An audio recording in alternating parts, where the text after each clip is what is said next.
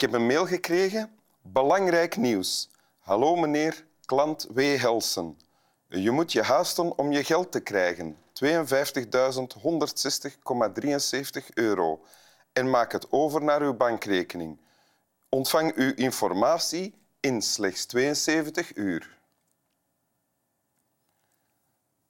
Sommige teksten roepen vragen op, maar waar vinden we de antwoorden de dag van vandaag? Hier, in Winteruur, bij Wim Helsen, Swami Bami, zijn witte hond, en vandaag ook bij Khalid Benadou. Welkom in Winteruur. Um, we hebben al een, de, de, een bischop gehad, een katholieke bischop dit seizoen. We hebben ook de voorzitter van de vrijzinnigen, uh, vrijzinnige humanisten hier gehad. Nu hebben we u hier als hoofdimam van de El Fat moskee in Gent. Ja. Uh, voorzitter van het platform van Vlaamse imams en directeur van het SIRA. Ja. En SIRA is... Een expertise- en een onderzoekscentrum dat vooral bezig is rond uh, thema's als levensbeschouwing en diversiteit. En ja. de plaats van levensbeschouwing ja. in onze samenleving vandaag. En u bent ook nog eens verbonden aan de Universiteit Gent. Ja, als opdrachthouder diversiteit. Ja. Reden genoeg om een keer naar Winteruur te komen. Bedankt voor de uitnodiging. Graag gedaan. Lees maar voor de tekst die je hebt meegebracht. Ja. Breuer ging verder. Laatst hebt u uw overtuiging uitgesproken dat het spook van het nihilisme door Europa waart. U betoogde dat Darwin God overbodig heeft gemaakt en dat wij, die God eens hebben geschapen, hem nu met ons allen hebben vermoord. En dat we niet meer weten hoe we moeten leven zonder onze religieuze mythologieën. Nu weet ik wel dat u dit niet woordelijk gezegd hebt. Als ik me vergis, moet u het zeggen.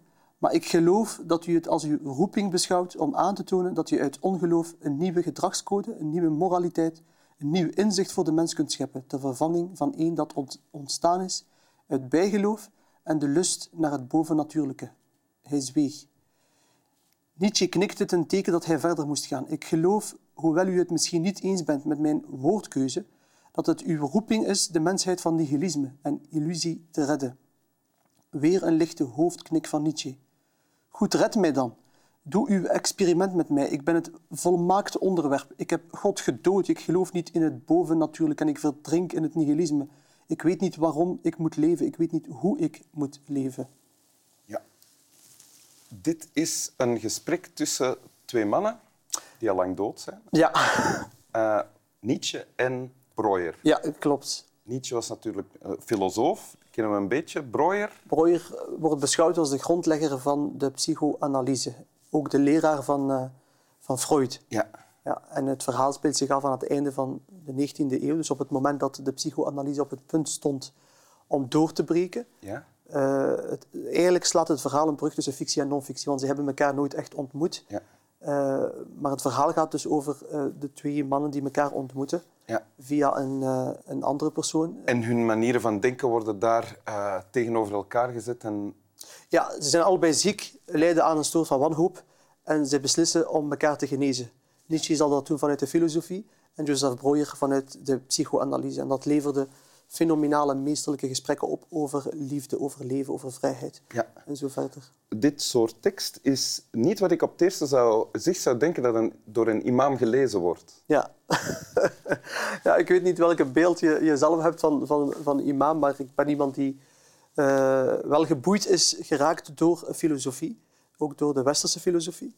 Uh, omdat ik uh, mezelf ook de missie heb gegeven om net die twee werelden met elkaar te verzoenen. We leven toch in in moeilijke tijden waarin soms gesproken wordt over botsende beschavingen. Ja? Wel, ik geloof eerder dat het een botsing is van onwetendheid, dat we elkaar niet kennen.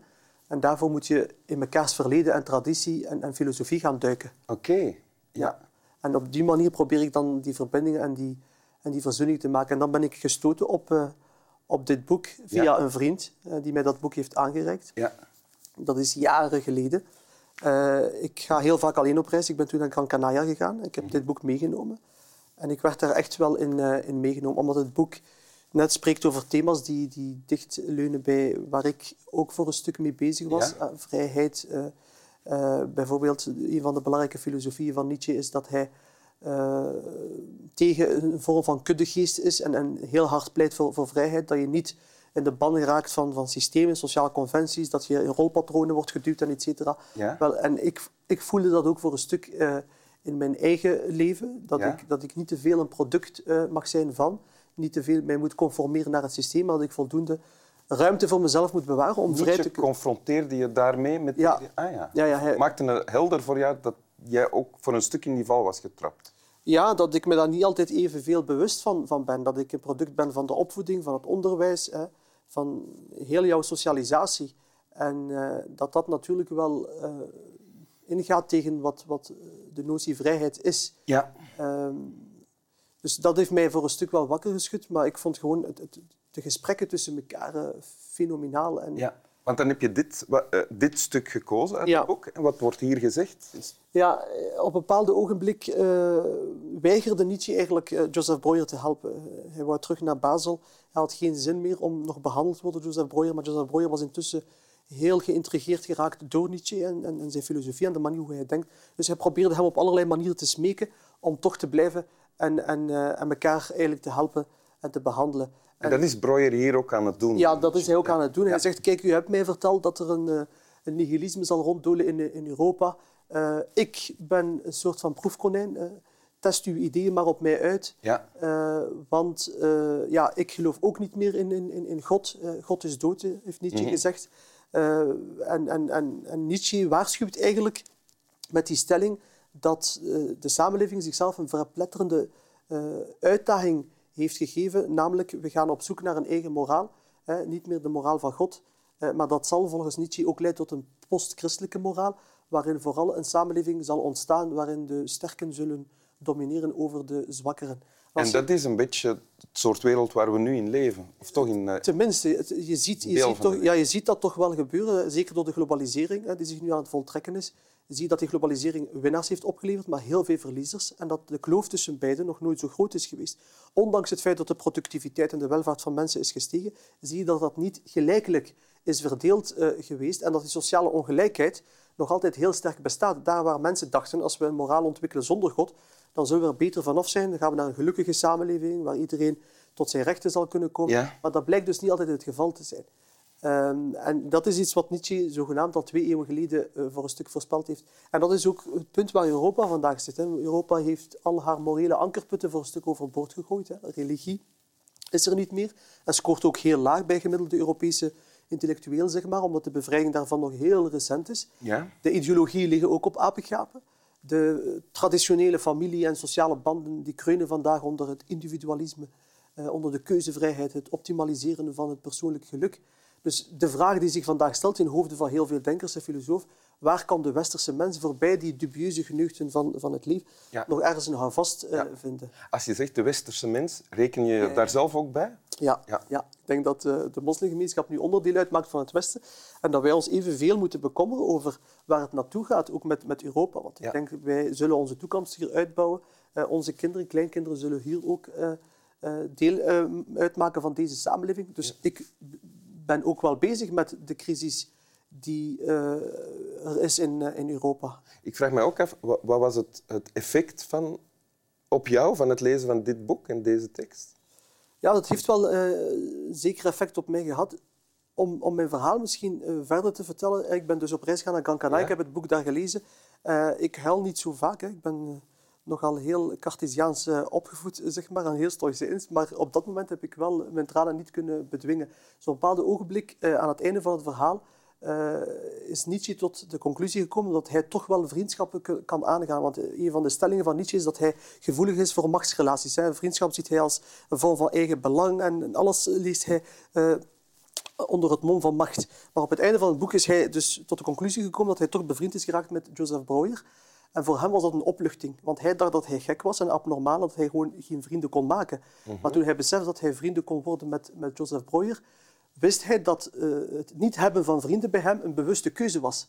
Eh, en niet zoiets dat, dat, dat, dat abnormaal of, of een afwijking was. En dat ontroerde jou? Dat ontroerde mij, want ik was, ik was zo mee in, in, in het verhaal. En ik had ook op een bepaald moment medelijden met Nietzsche. Want hij heeft een heel miserige, armtierige leven gehad. Hè. Hij Ja. hopte van het ene hotel naar het andere, waar hij intussen meesterwerk aan het schrijven was, maar die op dat moment door niemand gelezen werden. Eh, en aan het einde van het verhaal eh, was ik helemaal ontroerd en eh, kon ik mijn tranen niet bedwingen. Ik herinner me dat een oude vrouw bij mij kwam en, en vroeg of ik met liefdesverdriet zat en waarom ik aan het huilen was. Is het waar? Ja, Op ja, ja. En dus ik dacht, hoe moet ik nu vertellen dat ik aan het huilen ben omwille van Nietzsche? Hey, Dan heb je dit verhaal gedaan. ik, ik heb geprobeerd om het aan haar uit te leggen, maar ik zag haar al heel raar kijken naar mij van oei, Ja. niet wat ik had verwacht. ja. Wil je het nog eens lezen? Ja. Breuer ging verder. Laatst hebt u uw overtuiging uitgesproken dat het, dat het spook van het nihilisme door Europa waart. U betoogde dat Darwin God overbodig heeft gemaakt en dat wij, die God eens hebben geschapen, hem nu met ons allen hebben vermoord. En dat we niet meer weten hoe we moeten leven zonder onze religieuze mythologieën. Nu weet ik wel dat u dit niet woordelijk gezegd hebt. Als ik me vergis, moet u het zeggen. Maar ik geloof dat u het als uw roeping beschouwt om aan te tonen dat je uit ongeloof een nieuwe gedragscode, een nieuwe moraliteit, een nieuw inzicht voor de mens kunt scheppen. De vervanging van één dat ontstaan is uit bijgeloof en de lust naar het bovennatuurlijke. Hij zweeg. Nietzsche knikte ten teken dat hij verder moest gaan. Ik geloof, hoewel u het misschien niet eens bent met mijn woordkeuze, dat het uw roeping is de mensheid van nihilisme en illusie te redden. Weer een lichte hoofdknik van Nietzsche. Goed, red mij dan. Doe uw experiment met mij. Ik ben het volmaakte onderwerp. Ik heb God gedood. Ik geloof niet in het bovennatuurlijke en ik verdrink in het nihilisme. Ik weet niet waarom ik moet leven. Ik weet niet hoe ik moet leven. Dank u. Slap wel.